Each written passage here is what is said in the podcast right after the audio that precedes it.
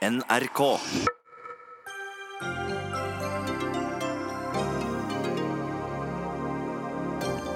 Bør voldelige elever samles i egne klasser, eller kommer det bare til å gjøre vondt verre?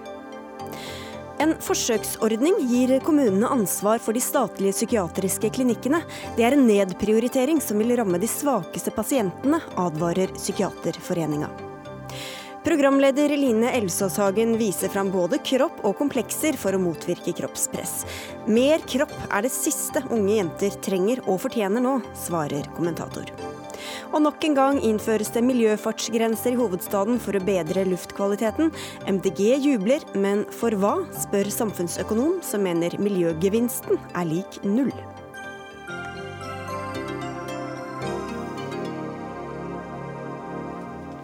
Dette er noen av sakene i Dagsnytt 18. Jeg heter Sigrid Solund. Elever som slår, truer, sparker, driver med kriminalitet på skolen. Hva skal vi gjøre med alle dem som ødelegger for seg selv og for andre? I hele høst har Dagsavisen hatt oppslag om problemelever. En rektor i Oslo-skolen slo alarm. Kunnskapsministeren kalte inn til krisemøte, og flere statsråder og lokalpolitikere har engasjert seg. Men nå tar du til orde for mer drastiske tiltak, Christian Tybring-Gjedde fra Fremskrittspartiet. Du er stortingsrepresentant eh, fra Oslo, og du sier til Dagsavisen at du vil ha egne klasser for disse elevene. Hva skal det løse? Ja, det vi ser nå er at utviklingen går fra vondt til verre. Uh, og vi ser at mye av fokuset på de som utøver vold, eller de som driver seksuell trakassering, eh, at fokuset er på dem istedenfor de store store flertallet som oppfører seg ordentlig og som ønsker å gå på skolen. Eh, sånn kan vi ikke ha det. Eh, dagens pedagogikk og dagens forståelse av hvordan klasserommene og klassene styres, mener jeg har, man har ja, man misforstår hvordan elever tenker. Man eh, driver med pedagogikk som eh, er såkalt nymoderne, en enhetsskole som ikke fungerer. Og da må man ta konsekvensen av det og, trekke eleven ut og lage egne klasser for de som ikke klarer å oppføre seg innenfor rammen av skolens betingelser. Og jeg syns ikke det er veldig dramatisk, men det vil være veldig fornuftig de 95 kanskje som oppfører seg ordentlig, kan fortsette på skolen og satse på skolen uten å bli trakassert. De 5 som da eventuelt driver med voldelig virksomhet, voldelig aktivitet, de var egen klasserom med en lærer som kan ha disiplin på dem. Og jeg tror det vil være best for dem og best for de som er utenfor. Hva skal møte dem i disse klassene? Da, da, da kan det eventuelt være snakk om fra flere skoler inn i samme klasse osv. Hvis det er slik at det er eh, såpass få fra en skole, får vi håpe, så er det bra at man tar flere fra, fra flere skoler og putter dem i et klasserom. Og gjør en lærer som er i stand til både å utvise disiplin og få respekt fra disse eh, elevene. Det er jo sånn at lærere ofte ikke har eh, den respekten disse elevene At de har ikke respekt for læreren som de bør ha. Og en lærer som utviser respekt og som de kan få respekt for, det tror jeg er en, en positivt. Det er positivt for dem, og det er positivt for de elevene som da i dag føler seg, gruer seg til å gå på skolen osv. Nina Tollefsen, du er psykolog og assisterende fagdirektør ved Nasjonalt utviklingssenter for barn og unge. Eh, du er ikke så begeistra for dette forslaget. Hvorfor ikke det? Eh, jeg er veldig enig i at dette er et stort problem. Bare sånn at vi er enige om det. Men jeg er veldig uenig i den løsningen som blir foreslått. Og det har jo sammenheng med at eh, dette er jo prøvd før. Vi hadde jo sånne obs-klasser eller observasjonsklasser før, eh, for en del år siden, som, eh, som vi forlot fordi at det ikke fungerte.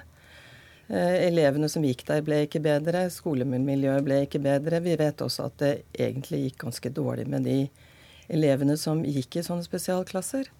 Så jeg er veldig skeptisk til, til den løsningen. Jeg er også skeptisk til det fordi at det setter mennesker i bås. Eh, disse ungdommene får en, en, identitet som bråkmakere.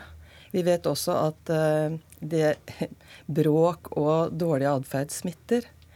Det smitter også eh, Så de som er dårlige fra før eller voldelige eller bråkete fra før, kan bli mer Ja, de blir faktisk verre. Og det har jo sammenheng med at ja, den dårlige atferden smitter, og at de er også sårbare for den smitten. De er ikke like robuste som andre elever er. Eh, og vi må også huske på at eh, når man trekker ut ungdom av normalsituasjoner, så frarøver vi dem en mulighet til, til læring. Til positiv læring. Og også, vi vet også at positiv atferd smitter. Ja, Så, det, ja, så da, det, det, går fra vondt til verre da, for disse elevene, Tybring-Gjedde. Hvor god løsning er det da for dem? Altså det er, dette er klassisk måte å tenke på i Norge. Man har fokusering på de som utøver trakassering og de som utøver vold. Man er bekymret for hva som skjer med dem. Så kan man diskutere hvorfor det skjer og hva er bakteppet for at de gjør det. Men nå er det faktisk slik at de gjør det. Eh, og Da vil jeg fokusere på de mange som ønsker å gå på skolen, og de som da i dag gruer seg til å gå på skolen. At de slipper den seksuelle trakasseringen eller den volden eller de blir utsatt for. Jeg tror det smitter ganske mye på unge ø, elever som da ø, opplever at de blir presset av disse voldelige og, og tøffere ø, elevene i klassen. Det er mye bedre at de får lov til å vokse opp i gode, trygge skolemiljøer. Og så får de som allerede utøver vold, vokse opp sammen. Om de skulle bli verre enn det de er, det mener ikke jeg er hovedfokuset her. Og Dessuten så sier man at man har gjort dette før. Det er ikke sånn at det ikke fungerte. Det er ikke sånn at ikke oppsklasse spesialklasse fungerte, men det passet ikke inn den sosialdemokratiske forståelsen av enhetsskolen. Det var der det var. Og vi trengte også lærere som kan faktisk utøve, og, eh, så de kan vise respekt for læreren. Bare gå tilbake til den gangen jeg gikk på skolen, så sier de å, det er gamle dager. Ja, det er gamle dager jeg gikk på skolen. Men sånn liten ting som å sette opp stolen på pulten, eller f.eks. reise når læreren kommer i klasserommet. Dette er småting, men det er veldig viktig når det gjelder dannelse og høflighet overfor voksne lærere. Det er litt på siden av det jeg sier nå, men det er derfor det er viktig at vi tar fokus på de 95% som er gode elever, og som, som, vi skal skape verdier i, i, samfunnet i fremtiden. Du skal få svare, men Vi skal få med deg også Venstre-leder Trine Skei Grande. Du er ikke bare partileder, du er også medlem av utdanning- og forskningskomiteen på Stortinget. Hvordan vil du karakterisere dette forslaget? Det er litt sånn kunnskapsløst. og det, Jeg ble kjent at jeg ble ikke engang irritert når det kom, fordi at jeg tenkte at dette er så langt unna virkeligheten der ute. Jeg er veldig for å ha respekt for læreren. Eh, jeg reiser mye rundt i Oslo-skolen. Det er veldig mange der som reiser seg når voksne kommer inn i klasserommet, som har veldig stor respekt for den lederjobben det er å være lærer i en klasse. Men det er ikke det dette handler om. Eh, for det første så mener jeg jo at, at mye av dette er tatt ganske ut av proporsjoner. Jeg hadde seks elevrådsledere fra disse skolene inn på et kveldsmøte for meg forrige uke og spurte er det så ille. Og da husker de et slagsmål på Stovner, og that's it. Men det som vi må se på, det er hva er det rektor Terje Wold skriver når han satt et varsko for dette her. Jo, Han skriver f.eks. at han har elever som ikke kan å skrive. Som ikke kan alfabetet. Som blir sendt på videregående skole. Det er jo bare tull. Du sender jo ikke elever på videregående skole som ikke kan alfabetet.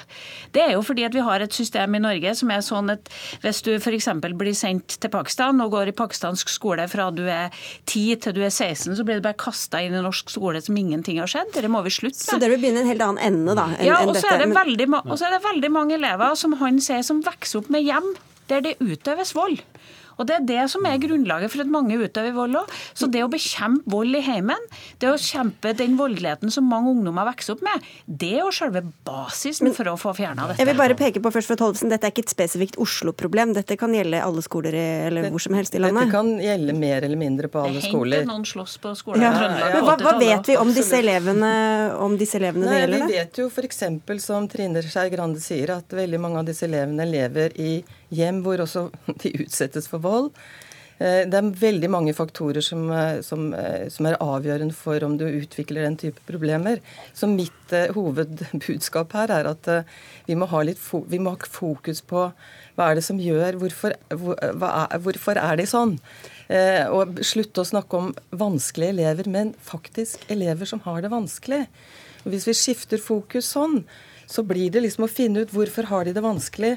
Hva kan vi gjøre for å redusere de vanskelighetene? Nå er vi akkurat inne i den du ikke vil ha. Og, ja. Men jeg må, ja. må okay, også si det at eh, vi vet faktisk at de eh, gamle løsningene ikke, ikke, hadde effekt, ikke var riktige. Men Var det bra for de som ikke havna i de klassene, da? De som fikk mer fredelig miljø i, i timene? Ja, så Det må vi selvfølgelig løse. Vi må jo skape trygghet og gode læringsbetingelser for alle.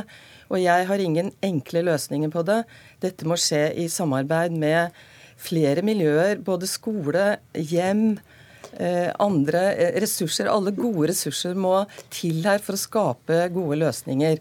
Sånne enkle, kunnskapsløse, faktisk, løsninger som du eh, foreslår nå, mener jeg er uheldig både for skolemiljøet generelt og for særlig selvfølgelig de elevene det gjelder. Ja, det og samfunnet. Og samfunnet. Vi vet at det å falle ut av skolen, det å ikke lære det de skal, ikke ha basisferdigheter, det øker sannsynligheten for å utvikle en kriminalløpbane, ja. rusproblemer ja, okay. som skaper er, det er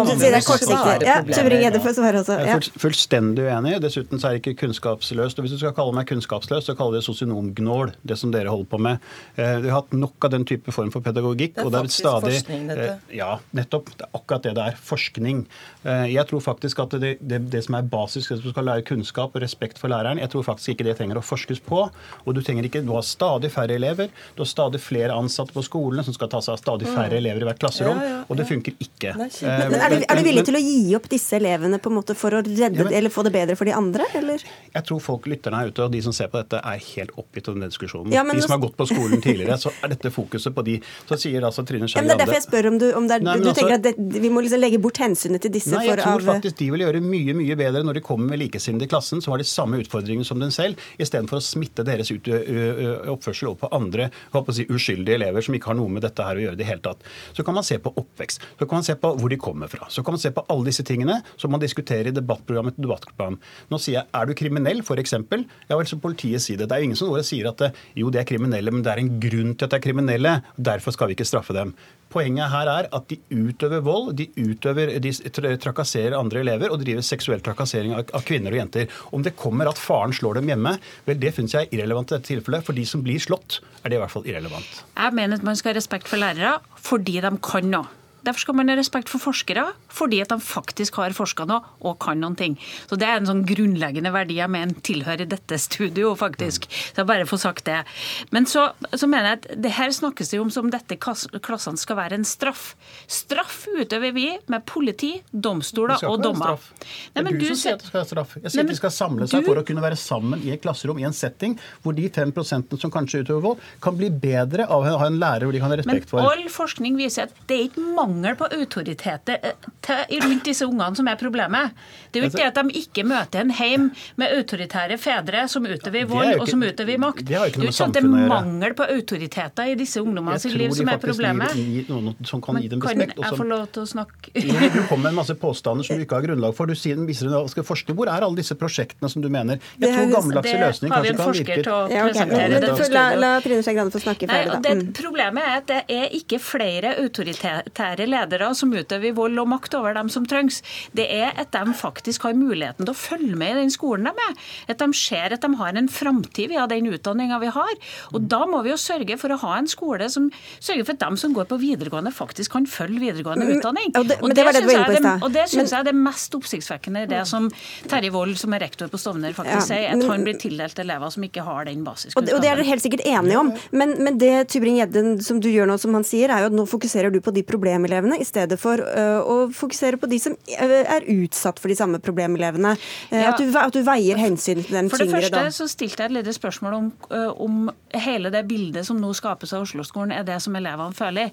Når jeg spør elevrådslederne på disse skolene, går elevene dere ja, Vi alle har vel vært i klasserom hvor, hvor, noen ødelegger for undervisningen for alle ja, og andre? Jeg, jeg, er ikke, jeg, er ikke, fjern for at du kan ha type spesialundervisning, men ikke for å hindre at voldelige elever Du må jo få tatt dette lenge før. Dette er jo et ja. sykdomstrekk ved norsk skole. Hvis vi klarer å la folk komme til de er 17-18 år gjennom et skolesystem der de ikke kan alfabetet, de ikke har muligheten til å lykkes, og så er vi forundra over at de prøver å bygge liksom, livet sitt på andre typer verdier, det betyr bare at vi må bli mye dyktigere på tidligere skole for å plukke opp disse elevene. Her er det to mot én, så vi må slippe det til bringe det helt på tampen. Det er, ingen, det er altfor enkelt. Du kan ikke si for at de ikke kan lese, ikke kan alfabetet, så bruker de vold.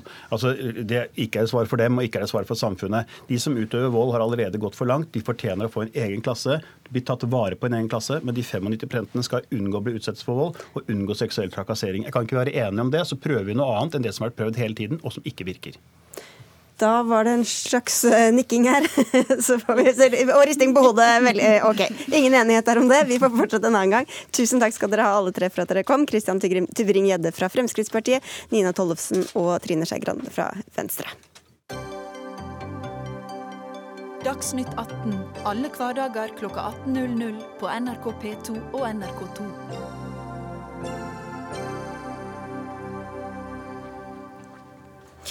Til andre dramatiske forhold. Dem i byggebransjen. Nå er de så ille at innleie av arbeidskraft må forbys, mener Arbeiderpartiet.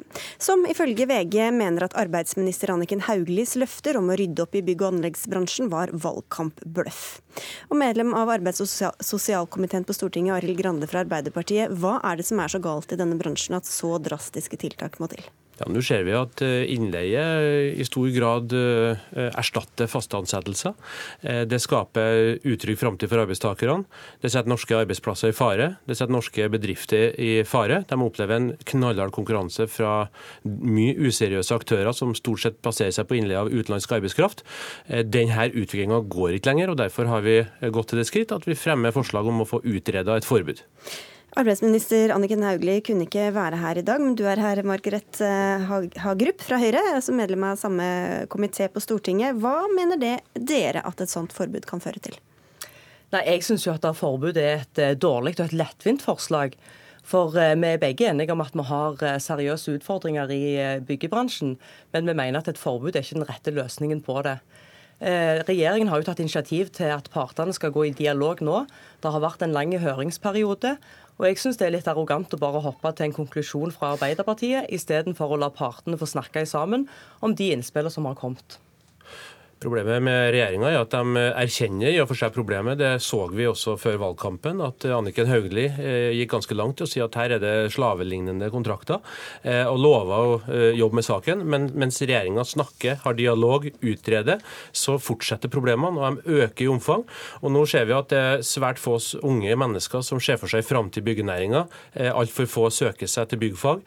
Vi ser at veldig mange av dem som er overrepresentert på arbeidsulykkesstatistikken, er innleid arbeidskraft. Så det skaper mange store problematiske ringvirkninger når denne utviklinga får lov til å fortsette. Men hvorfor denne timingen akkurat nå, med å innlede, eh, altså ville ha et forbud akkurat nå? Jo, vi har uh, i hele forrige stortingsperiode fremma en rekke forslag som skulle ta sikte på å rydde opp i det, det, her problemet. Men vi blir nedstemt nesten hver gang. Anniken Hauglie og regjeringa sier at de skal ta tak i problemet, men senest i går så kom det forslag fra regjeringa om at de skal øke problemet, nemlig å gjøre det lettere for bemanningsselskapene å ansette midlertidig. Det vil jo uh, rive bort mye av grunnlaget for et seriøst, organisert, ryddig uh, arbeidsliv med faste ansettelser som hovedregel. Det vil vi advare mot. Uh, og inntil man nå har fått rydda opp, så mener vi at veien å gå er å få et midlertidig forbud, sånn at vi en gang for alle får ta tak i det her på en skikkelig måte. Hvordan skal dere klare å rydde opp når det fortsetter og kanskje også øker for bruken av vikarer og midlertidig ansatte? Jeg vil jo igjen si det at en har en dialog der partene er invitert til å sette seg ned rundt bordet. Det forslaget som Arbeiderpartiet kommer med i dag, vil jo slå bein under mange av de som er seriøse aktører i denne bransjen, som vil få store utfordringer i forhold til den fleksibiliteten som en ofte trenger i oppdragsmengde som varierer. Hva vil du si til de? Men Det er jo ikke riktig. Det er jo mange andre land som har type restriksjoner på det her. Tyskland annet, har jo et forbud i hele Tyskland eh, mot innleie i byggebransjen. Og det, eh, det som eh, vi nå vil fremme et forslag forslag om, er jo at man skal utrede hvordan det her kan gjennomføres i Norge. Så dere har, vet ikke hvordan det skal gjennomføres? Vi har fremma en rekke forslag til hvordan det kan gjøres eh, for å få ryddigere forhold. Men, men, men det vi ønsker nå, er at vi inntil man har fått på plass et tydelig regelverk som sikrer at du har et organisert arbeidsliv, et trygt arbeidsliv med faste ansettelser som hovedregel, så må vi ha et forbud mot eh, innleie. Nettopp fordi at det er med å ødelegge hele byggenæringa i Oslo-området. Og vi ser mange byggemestere i Oslo som sier at hvis ikke det blir tatt tak i nå, så er ikke sikkert at vår arbeidsplass eksisterer om kort tid, fordi vi blir utkonkurrert av utenlandske og useriøse aktører. Men hva med alle dem som har helt legitime grunner for å plutselig måtte, måtte leie inn folk for å kunne få holde tidsfrister og, og gjøre det de skal? Jo da, og det uh, har man jo uh, gode ordninger for å løse i andre land, for å ta uh, kneikene f.eks. Og det mener jo vi jo at når det, vi får rydda opp i arbeidslivet forbud? Nei, altså Det uh, forbudet vi tar til orde for skal være midlertidig fram til man har fått ta tak i nettopp det regelverket som vi mener mangler. Vi har fremma en rekke forslag til hvordan det kan gjøres, men vi blir dessverre nedstemt. og mm. Derfor så eskalerer disse problemene, og det truer norske arbeidsplasser og norske virksomheter. og Det kan ikke vi sitte stille og se på. I, I, første omgang så tror jeg det er viktig å påpeke at nå snakker vi om norske forhold. Og Er ikke dere interessert i å se hva partene i arbeidslivet nå setter seg ned og diskuterer av løsninger? Men Hvor lenge skal dere som, diskutere før nei, dere gjør noe? så er det som programleder sier, at det finnes jo mange grunner til at innleie er bra. Nå var jeg i møte med bemanningsbransjen eh, i Rogaland i sist uke, tilfeldigvis, og heldigvis kan en kanskje si. Eh, og De hadde jo eksempler på at en bedrift som holdt på å permittere rett før jul i fjor, snakket med en nabobedrift og fikk overført eh, ti personer i fire måneder. Det resulterte i at de fikk jobb. Det er en form for innleie, det er en form for fleksibilitet som vi òg trenger. Jeg tror ikke kutt i eh, innleie er løsningen. Men, men blir, blir, noen av disse forholdene bedre mens dere sitter og diskuterer og utreder og holder på, som, som vi har, mens vi har sett den utviklingen vi har hatt de siste par årene? Når en først har åpna for en dialog og tatt inn, uh, tatt inn høringsforslag, så syns jeg det er respektfullt og fint å diskutere disse med alle partene rundt bordet før en konkluderer. Jeg tror personlig at dette forbudet mot innleie ikke er en løsning. For det, det rammer jo òg de seriøse aktørene. Og vi har jo lyst til å ha gode, forutsigbare rammevilkår for de som faktisk har lyst til å drive bedrifter som skaper norske arbeidsplasser. Jeg skjønner jo godt at bemanningsbransjen eh, ønsker at dette skal fortsette, for det er jo gullgrue for dem. Eh, men det slår fotene under det organiserte arbeidslivet i Norge. Det kan true hele næring. Eh, hvis dette ikke blir tatt tak i, så ser vi at det kan true norske arbeidsplasser, norske arbeidstakeres framtid i byggenæringa. Det er svært alvorlig, det kan ikke vi sitte rolig og se på. Derfor så fremmer vi et forslag nå om å få rydda opp i det. Og det får du antagelig ikke flertall for i Stortinget? Vi håper jo å få med oss et flertall i Stortinget, selvfølgelig. Ja, det... Nå er jo kortene spilt ut på en litt annen måte enn det var i forrige periode, så vi har godt håp. Men mindre det lykkes, da. Når kommer det noe fra deres side? Jeg vil, jeg vil, jo presisere at det er ikke bemanningsbransjen jeg har snakket med. Jeg har snakket med byggebransjen, som sier at et sånt et forbud både i Oslo og andre plasser i landet vil skape alvorlige konsekvenser for den fleksibiliteten som er. Og når kommer det noe fra dere, fra regjeringa? Det er jo avhengig av den diskusjonen som skal være nå. Nå må vi ha respekt for at det er satt i gang en prosess der partene er invitert. Og Da skal partene få komme med sine syn. Ok, Da takker vi for denne rundetiden. Eh, takk skal dere ha begge to, Arild Grande fra Arbeiderpartiet og Margaret Hagerup fra Høyre.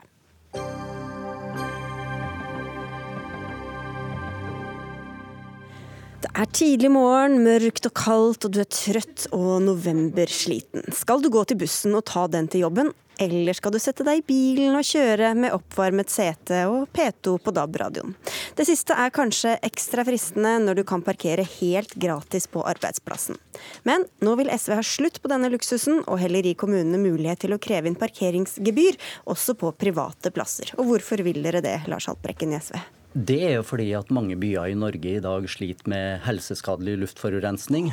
Og det er biltrafikken som er hovedårsaken til det. Og det å ta betalt for parkeringsplassene er en måte å redusere biltrafikken og dermed den helseskadelige luftforurensninga på. Det er jo et alvorlig problem, for vi vet det er mange som får en for tidlig død hvert år pga. denne forurensninga.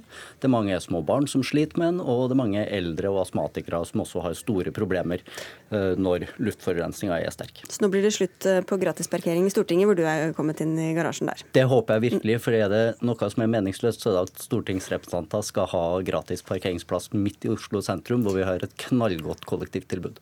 Morten Stordalen, eh, stortingsrepresentant fra Frp. Du kommer kanskje kjørende fra stortingsgarasjen og din gratis parkeringsplass der? Jeg gjorde ikke det dag dag, Men du er mot dette forslaget? Ja, fordi at det håper jeg ikke nå ikke sier, som jeg har tidligere versert i media i dag, det er jo på kjøpesenter utenfor de byene han nå snakker om. Det er jo faktisk eh, de som ikke ligger i sentrum, men som ligger ute på landet utenfor de store byene. Det er de samme, det er for samme forslaget. Ja, mm. og da er det sånn at eh, nå definerer SV politikken ut fra Oslo sentrum.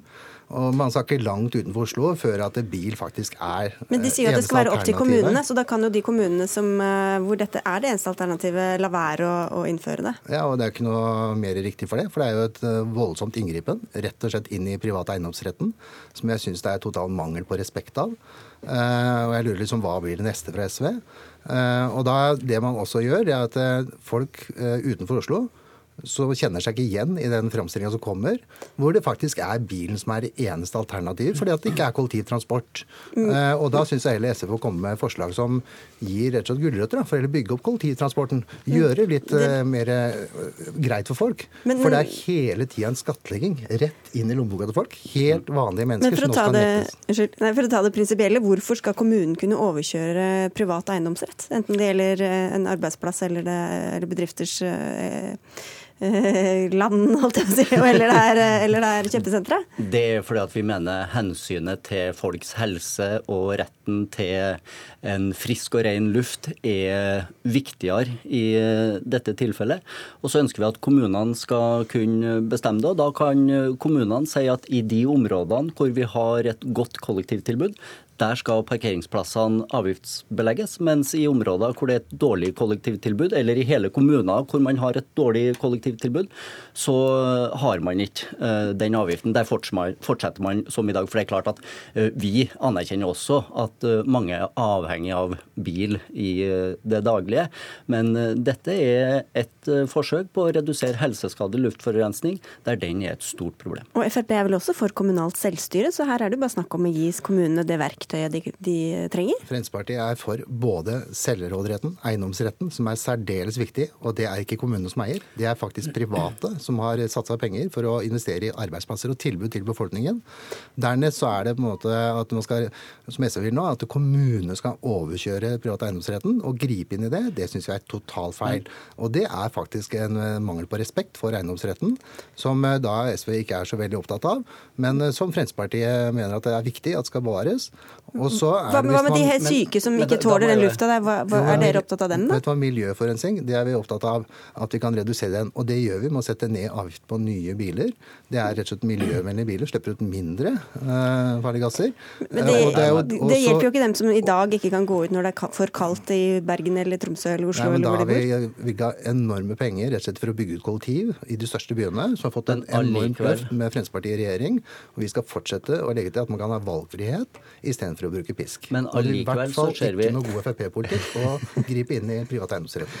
Så da kan jo jeg si at uh, du verdsetter den private eiendomsretten høyere enn retten folk har til ren og frisk luft. Og nå må jeg få uh, uh, snakke ferdig. et godt kollektivtilbud alene er dessverre ikke nok. Vi er også nødt til å gjøre noe med den økende biltrafikken nettopp for å unngå de store problemene som mange i dag føler uh, eh, pga. helseskadelig uh, luftforurensning.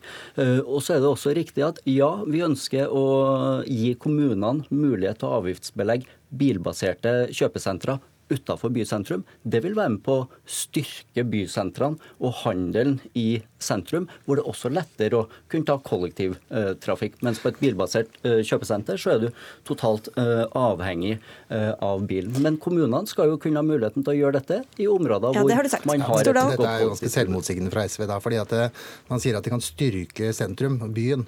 Ja, Det betyr at man tvinger bilen inn i byen istedenfor at den reiser til kjøpesenteret.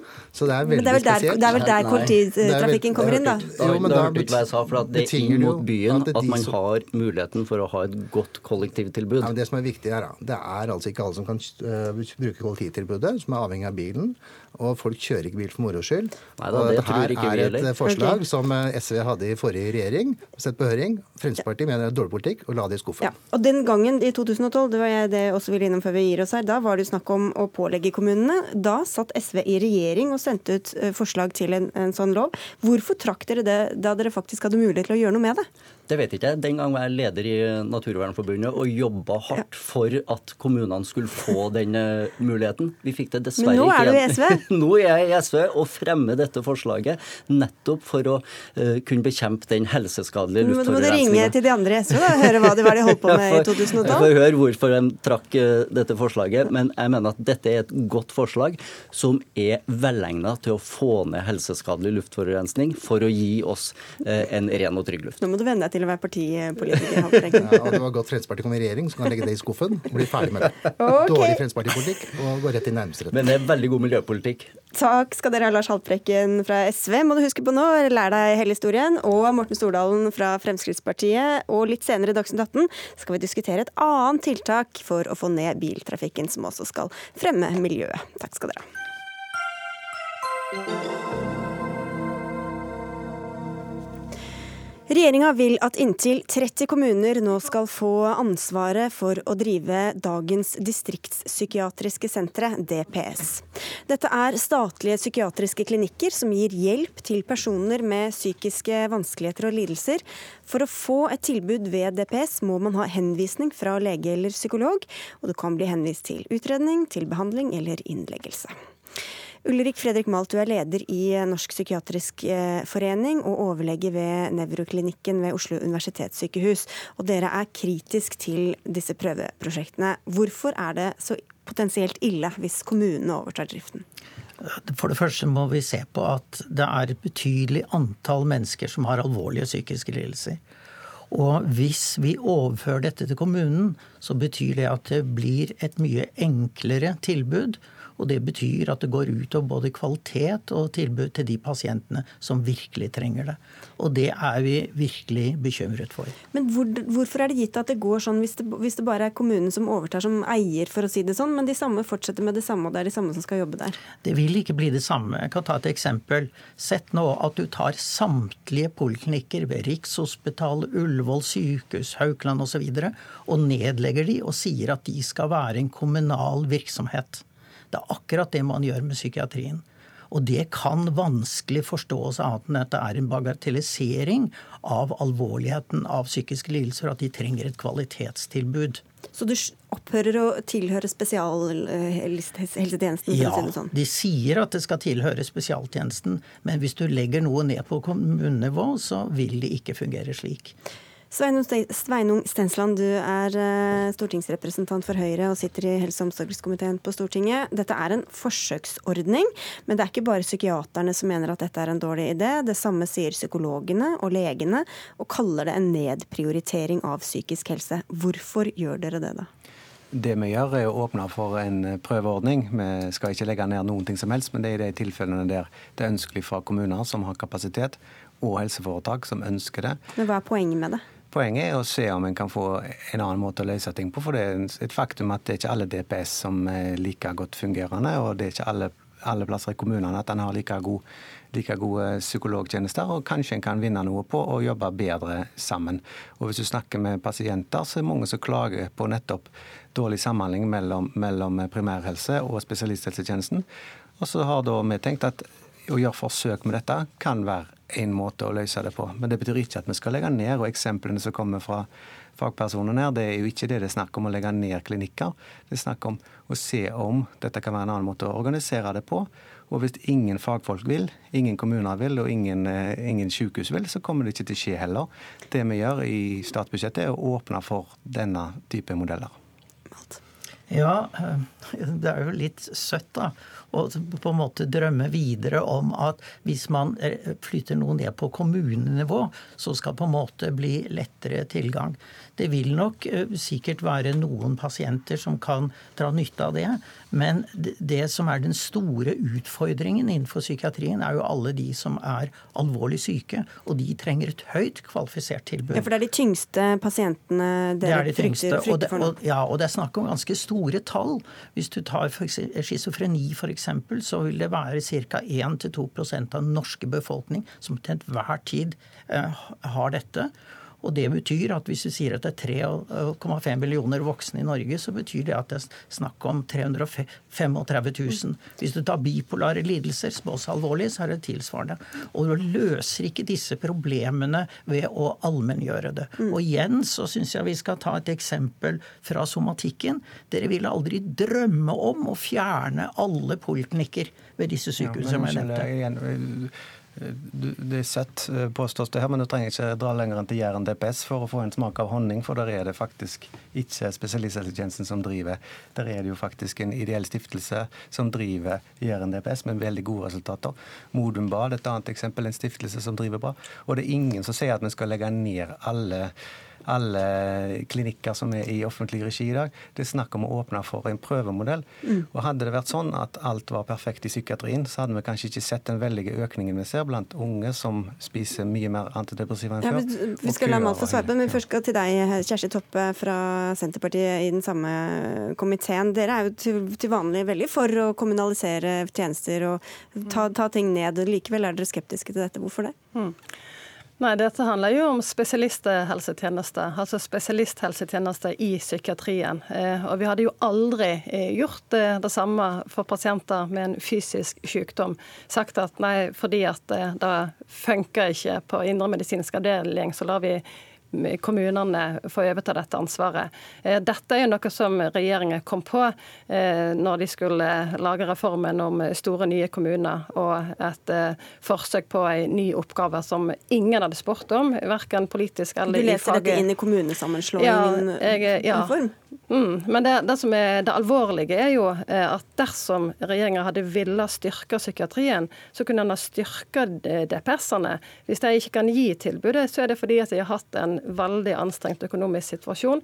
Og vi vet òg etter Samhandlingsreformen så har Riksrevisjonen påvist eh, at eh, kapasiteten i psykisk helsevern både på DPS, men ute i kommuner, den har ikke blitt styrka tilsvarende det som er blitt lagt ned på, på institusjon. Så jeg òg er bekymra bekymra for tilbudet til de mest alvorlig syke, pluss at jeg tror at eh, dette vil føre til en ja, dårligere tilbud òg ute i kommunene. Vi har jo hatt saker tidligere i Dagsnytt 18 med, med, flere av dere til stede også om hvor, hvor, hvor, mange som ikke engang blir henvist til DPS, men som egentlig har mm. behov for eh, psykiatrisk hjelp.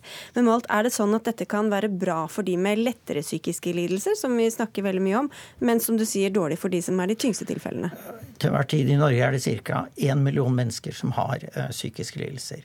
Flertallet av de kan håndteres i allmennpraksis, og eventuelt uh, håndteres av privatpraktiserende psykologer.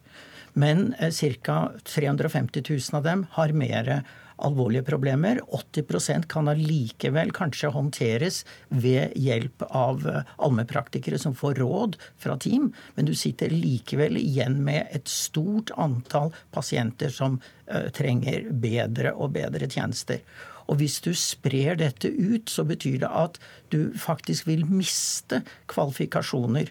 I dag er det mangel på fagfolk, og det skyldes jo mye at de overbelastes av eh, pasienter som egentlig kunne vært håndtert andre steder. Så løsningen er ikke å prøve å allmenngjøre distriktspsykiatriske sentre. Løsningen må i tilfelle være da å bygge opp en skal vi si, eh, basal psykologtjeneste med en del psykiatriske støttefunksjoner. Men å la DPS-ene ta seg av de tyngste tilfellene ja, og få differensiere mer ja, enn i dag? Og så hvis det da er slik at de er ferdigbehandlet, så kan de sende tilbake til kommunen. Og dette ville dere aldri gjort med somatisk, altså fysisk syke pasienter, og slenge det sammen på den måten? Ville ikke gjort det med noen sykdommer, jeg, hvis det gikk på kompromiss med kvaliteten. Og det er jo en av betingelsene her, at det skal jo ikke være en annen en dårligere tjeneste. Og det er jo i snakk om hvis det er kommuner som opplever sjøl at de er i stand til å ta det på seg, og helseregionene er enige at det kan være en god idé, da skal vi gjøre det. Hvis det faglige nivået er Det ligger ingenting i statsbudsjettet om at dette skal gjøres. Det som står i et avsnitt i statsbudsjettet, som er ganske mange hundre sider, er at regjeringen vil åpne for forsøk hvis det er kommuner og helseregioner som er enige. Og da skal, det være, skal det være på samme faglige nivå. Men hva kan de tjene på det? Altså, det var litt i utgangspunktet her. Hva er poenget? Hva, hva, hvordan kan behandlinga bli bedre for de med de tyngste lidelsene ved, det, ved å overføre det til kommunene? Du kan, først av alt så er det en utfordring i dag med at kommunene, som en er inne på her, en kan vinne mye på at kommunene får bedre kompetanse. Og en kan få vinne mye på at en har bedre samordning mellom primærhelse og spesialisthelsetjeneste, som er innenfor mange sykdomsgrupper en stor utfordring. I tillegg tillegg så er det sånn at hvis du snakker med pasientene, snakker med Mental Helse, Mental Helse Ungdom, så vet du det utmerka godt hva DPS de helst vil på, fordi det er veldig stor forskjell på de forskjellige DPS-ene. Og der har vi en utfordring, som OE beskriver i statsbudsjettet, nemlig med å få rede på hvem driver bra, hvem driver dårlig. Og, hvis... og, dette, og det er ikke snakk om som, som Jeg har stor respekt for, for fagkompetansen her, men er, da bør også fagkompetansen lese det som står i statsbudsjettet. For Det står ingenting om å legge ned klinikker på Ullevål og klinikker på Haukeland. Det står dersom Det var vel en sammenligning. Ja, dersom helseforetaket ønsker det, og kommunene ønsker det, så er vi ikke fremmede for tanken på det. Det er åpnes for en prøveordning. Du, men for, altså, til deg avslutningsvis her, Toppe, hvorfor ikke se på, når, når, du beskriver problemet som såpass stort, at det fungerer så mm. dårlig, hvorfor ikke mm. se på nye måter å, mm. å organisere det på? Mm. Nei, for En helt uh, annen løsning som vil fungere mye bedre, det er jo at vi styrker det tilbudet som er i dag i kommunene, så vi vet uh, har stått helt stand-by siden den forrige opptrappingsplanen ble avsluttet i 2008. Det har ikke kommet økte års årsverk. Eh, det er psykiatriske pasienter som ikke får en plass eh, å bo. Eh, det er mangel på psykologer. Det er masse vi kan gjøre i kommunen for å styrke lavterskeltilbudet. Og så kan vi i da styrker DPS-ene sånn at en får et spesialisthelsetjenestetilbud, en spesialist eh, som en kan spille ball med, og det kan være mest mulig desentralisert, som var meningen med DPS-en når en innførte den strukturen. Det fins faktisk, så vidt jeg vet, ingen land i den vestlige verden som har funnet på noe så vanvittig som å eh, redusere spesialisthelsetjenesten innenfor psykiatri og somatisk medisin til å være på et kommunalt nivå som skal drifte det og organisere det. Så jeg lurer på hvilken skal vi si, forskning har dere som tilsier at dette skal være noe fornuftig? Jeg har jo nevnt flere stiftelser som er Nå spurte jeg, om data. I tillegg så det Toppe sier at det ikke har tilført ett årsverk innenfor kommunene innenfor psykiatritjenesten. Det er jo direkte galt. Men har ikke noe forskning som alt etterspurte Ja, jeg har ikke forskning på meg her, men vi, vi ser iallfall at vi har utfordringer forbi psykiatrien. Og da ser vi visst fag, fagmiljøer rundt omkring i regionene og sykehusene og kommunene finner at dette kan være verdt å prøve, så sier vi at vi er åpne for den type forsøk. Få se om noen søker, da, så får vi ta debatten på nytt. Takk skal dere ha alle tre. Ulrik Fredrik Malt fra Norsk psykiatrisk forening og Sveinung Stensland fra Høyre og Kjersti Toppe fra Senterpartiet. Hør Dagsnytt 18 når du vil. Radio NRK Radio.nrk.no.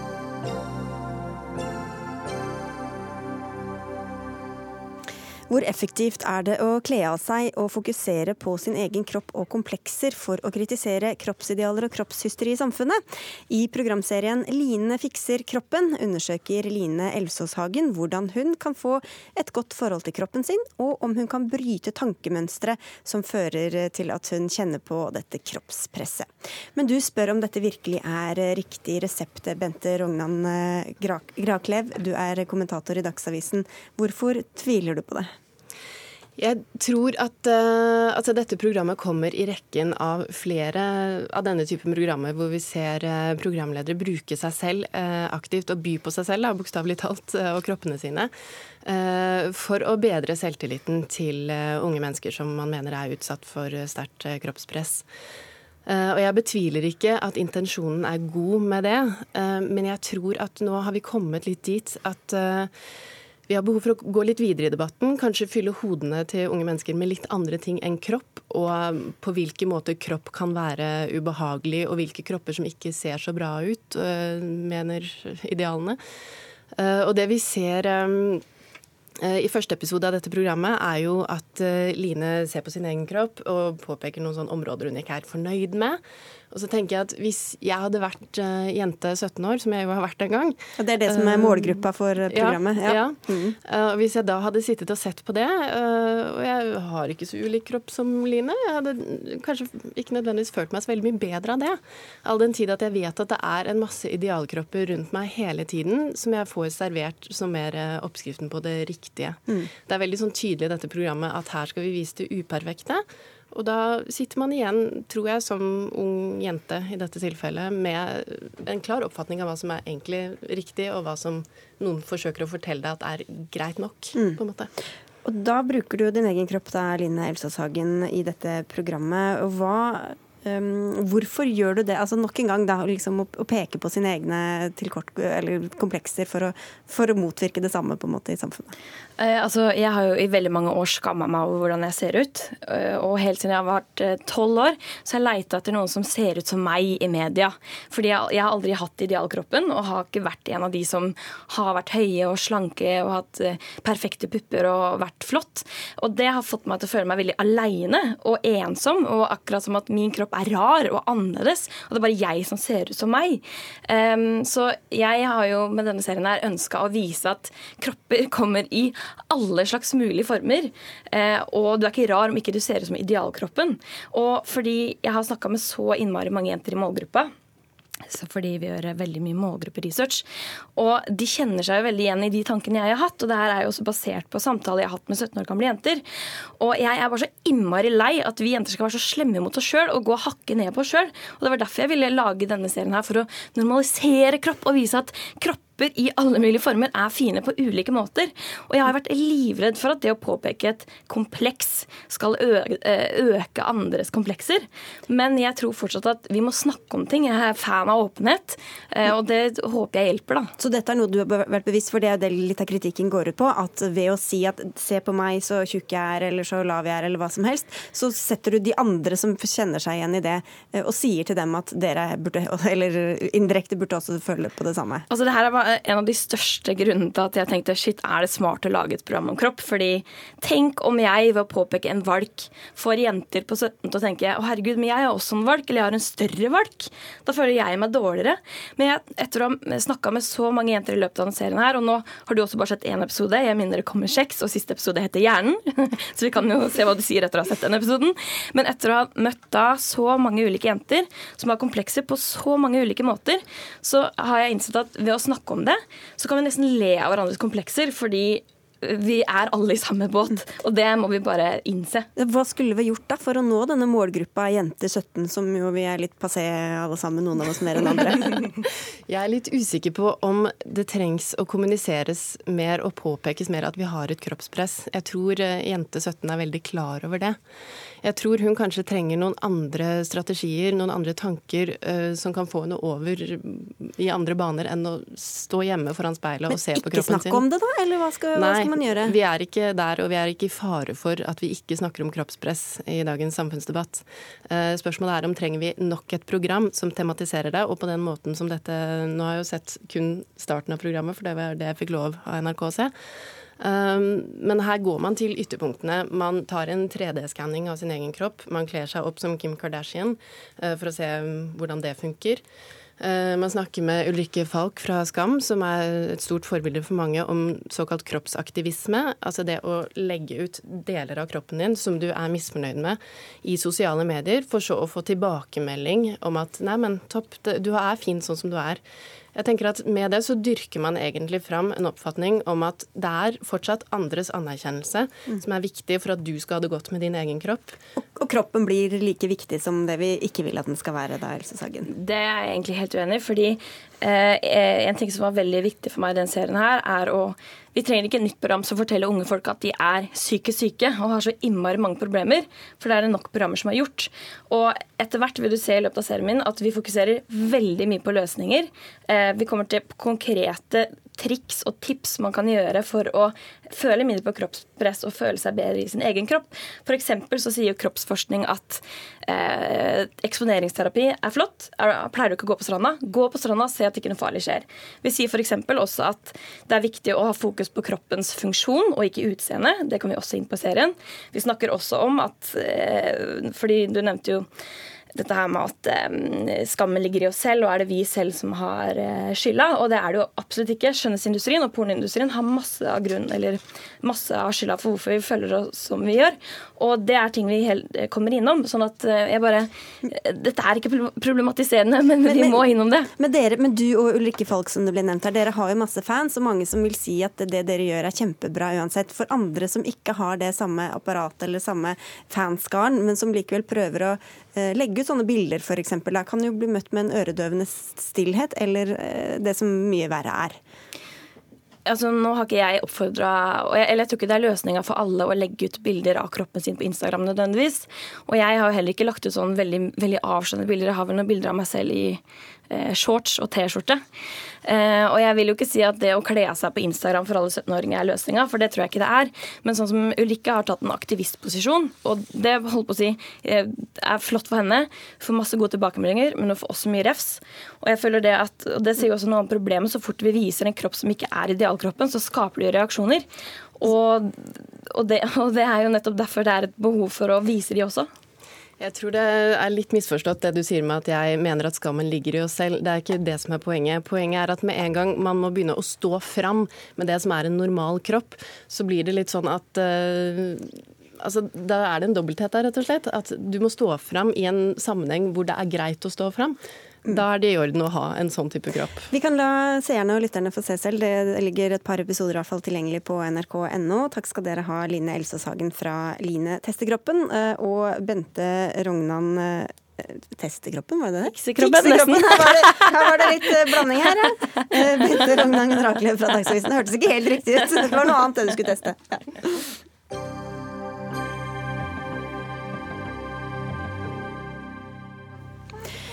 Vinteren er her, og med den kommer også de mye omdiskuterte miljøfartsgrensene tilbake på utvalgte veistrekninger i Oslo. Tanken bak de midlertidige fartsgrensene er at dersom du reduserer farten på bilen din, vil du også redusere mengden svevestøv som virvles opp fra bakken. Og da blir det bedre luftkvalitet for hovedstadens innbyggere. Men senest i dag kunne vi lese i Aftenposten at tiltaket ikke har noen effekt. I hvert fall ifølge en fersk masteroppgave fra Norges handelshøyskole. Og Torfinn Harding, du er førsteamanuensis ved NHH og veileder for oppgaven. Ingen miljøeffekt. Hvordan er dere kommet fram til det? Ja, så det vi har gjort er å se på eh, data for eh, fire utfall på luftforurensning. Eh, NOx og så svevestøv. Og vi ser da på dager like før denne fartsgrensen innføres, og dager etter. Og det vi forventer da, er jo at vi skal få et fall, for det første i farten. Og for det andre hadde vi vel egentlig sett for oss at det skulle være et fall i luftforurensning også. Vi finner at farten går ned når grensa innføres, men vi finner ingen effekter på, på luftkvaliteten. Dette er jo da testa i eh, Oslo. Det har ikke vært så kaldt som det kan bli. Og det skal jo egentlig vare helt til april, så hvordan vet dere at dette er representativt for hele resten av denne perioden? Ja, så Det som er uh, viktig her, er å sette opp analysen som gjør at vi kan dra en konklusjon. Uh, det vi har gjort, er jo vi har kontrollert for både temperatur, regn, både vindfart og vindretning. Uh, og så er det selvfølgelig en del andre ting som påvirker luftkvaliteten. Og det håndterer vi ved å fokusere på et veldig smalt vindu rundt når dette er innført. Rasmus Hansson, nasjonal talsperson for Miljøpartiet De Grønne. Null miljøeffekt, hva skal vi med det da? Det vi i hvert fall skal, det er å forbedre luftkvaliteten i Oslo. Det er 200 000 mennesker i den byen som uh, hver vinter opplever farlig luft, og 180 av dem dør. Og vi må treffe masse tiltak som byrådet og MDG gjør. Og så er det da uh, noen som stiller spørsmålstegn ved tiltaket miljøfartsgrense. Strålende at man uh, sjekker sånne ting, uh, sånn at vi kan se hva som er best. Nå vil jeg vente til jeg hører hva Norsk institutt for luftforskning og andre, og ikke bare Handelshøyskolens masterstudenter, sier om denne saken. Men i Miljøpartiet De Grønne er vi ikke gift med tiltak X eller Y. Vi skal ha en bedre luftkvalitet, sånn at folk i Oslo uh, slipper å puste gift, giftig luft. Og så er vi helt med på å diskutere hva som funker best, og derfor er det fint at noen stiller spørsmål. Bare et, et spørsmål til denne undersøkelsen, Harding. For da nyheten ble presentert i dag, uh, sto det også at vi samfunnsøkonomisk taper 4 milliarder kroner hver vinter hvis, ved, ved, dette, men det faktiske tallet var 30 millioner. Hvis dere kunne bomme så grovt på det, skal, hvorfor skal vi stole på resten av undersøkelsen? Ja, Det høres ut som et godt spørsmål, ikke sant? og vi beklager selvsagt den feilen. Takk for det. Eh, uh, disse resultatene på både luftforurensning og fart faller direkte ut av dataene våre. Der har vi brukt statistiske metoder. Vi har brukt data fra 2004 til 2015. Og det er det egentlig oppgaven dreier seg om. Så det andre var bare en menneskelig feil? Det var en regnefeil i en av formlene våre som vi beklager. Det jeg vil si er at det er stor usikkerhet når vi skal regne samfunnsøkonomisk kostnad. Vi må tenke på hvor langt de kjører, hvordan biler Det er mange ting. Vi tar det miljøkostnaden nå først. Nettopp. Eller vi spør om vi får plass til annet òg. Inger Elisabeth Sagedal, du er kommunikasjonssjef i NAF. Dere er også imot disse miljøfartsgrensene. Men her er det jo andre, Rasmus Hansson nevnte andre studier, eller i hvert fall andre som studerer dette, som, som mener at det har en effekt. Ja, jeg forstår at han hører på NILU. Det er de vi må ta utgangspunkt i. Og vi er også opptatt av at lufta skal bli bedre i Oslo. Vi er opptatt av å bruke de rette tiltakene som har effekt. Og jeg tror det ville være klokt av MDG og andre aktører som jobber for redusert bilbruk og tiltak av restriktiv art for å få bedre luft, bl.a., at man da velger de tiltakene som virkelig har effekt, slik at bilistene også får respekt for det. Og Vi har jo i flere år sagt at denne miljøfartsgrensa som er permanent, er ingen god idé. Vi la fram en uh, høring i form av nærmest en rapport i 2012 hvor vi påviste noe av det samme som denne masterstudien nå har lagt fram. Vi så også på den samfunnskostnaden det har faktisk, som det medfører at vi må redusere farten. Men det viktigste for oss var at det faktisk eh, gir liten effekt. Fordi små biler virvler opp veldig lite svevestøv. Og dette med den farligste type svevestøv, som virkelig har de minste partiklene, den kan det faktisk bli mer av med lavere fart. Så la oss gjøre det som er riktig, og da vil vi ha tiltak for tungtransport. Det er de Også, som står for det meste, yes. Rasmus Hansson.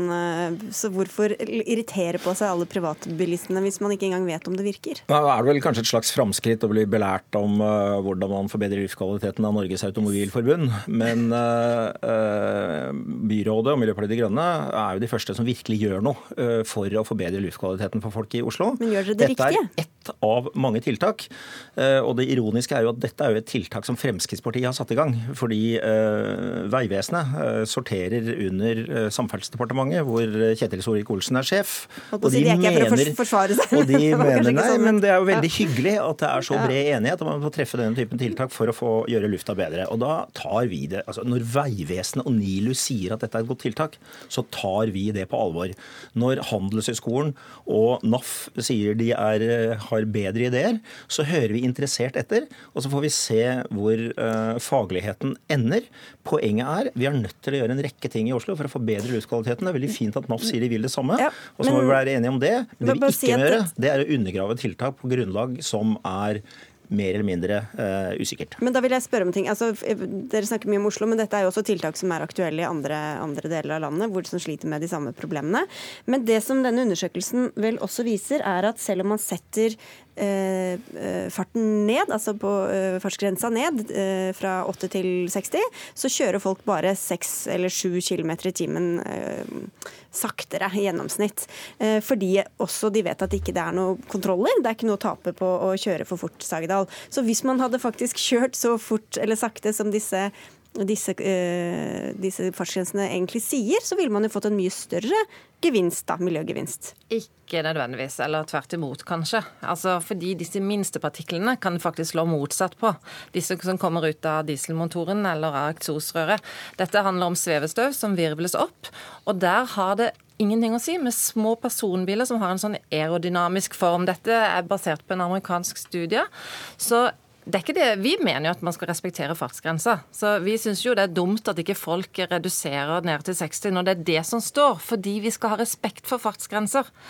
Eh, Fartsgrenser er vanligvis forbundet med trafikksikkerhet. Og eh, dette er altså veier med fire felt, midtdeler, hvor det nesten ikke skjer personulykker. Så eh, med den kunnskapen mange har da, om at når det er fuktig luft og kanskje også det de nå hører, da, at små biler eller personbiler ikke virvler opp særlig mye støv, så kan det nok være at en del ikke etterlever det av den grunn. Men det som er viktig for oss, det er at vi skal ha respekt for fartsgrensen. Og da skal de være godt begrunna. Ja. Og nå er det jo for det første sånn at eh, selv Automobilforbundet er antagelig enige, om, enig i at det blir vanskelig å operere med forskjellige fartsgrenser for eh, tungtransport, lastebiler og personbiler på samme vei. Og selv om personbilene eh, har en mindre andel av problemet, så har altså eh, de store, tunge lastebilene en ganske stor andel av problemet. Vi har foreslått eget Og felt det, ja, jeg vet dere har foreslått eget felt, men eh, felt med forskjellig hastighet har dere ikke foreslått. Og, og det er jo eh, Ja, OK. Jo, vi har lykke- faktisk foreslått det. Lykke på reisen med å, med å operere med Det forskjellig fart i er forskjellig tid. variabel. Ok, men, men, men, er- hvordan kan det være er- så stor uenighet eller usikkerhet om effekten av dette? For, er du enig i at det ikke har Altså, noen særlig effekt på privatbiler? Absolutt ikke. Altså, utgangspunktet er Vegvesenet og Norsk institutt for luftforskning mener at dette har effekt. De har undersøkelser som sier at, eh, at eh, køene øker ikke, at fremkommeligheten er like god, og at effekten Ja, fordi alle på, kjøper like og kjører like fort uansett. og at, nei, og at effekten på, på luftforurensning og svevestøv er til stede. Så er det noen masterstudenter som er middels gode til å regne fra Handelshøyskolen, som, har, eh, som mener noe annet, og som mener Norges Automobilforbund noe annet. Og det vi sier er kjempefint at det stilles faglige spørsmål nå, men det er ikke sånn at NAF og Handelshøyskolen helt sikkert har rett i at miljøfartsgrenser ikke virker. Det er lurt å er lytte til NAF, for det er de du skal ha Det er med på gangen. dette. Også lurt å nytte til Vegvesenet og Ja. Norsk institutt for luftforskning. Det er lurt å lytte til NAF. Det er lurt å få med seg folk, få med seg bilistene på prosjekt Bedre luft. Ja, og da må man gjøre det det som har effekt, og det som har effekt, det er å vaske veiene. Ja. Hvis du sparer inn eh, penger på de samfunnskostnadene nå, så kan du vaske to ganger i uken istedenfor én. Harding helt kjempekort på slutten her. Når, når sitter dere klare med liksom de endelige øh, svarene fra dette, denne undersøkelsen, da?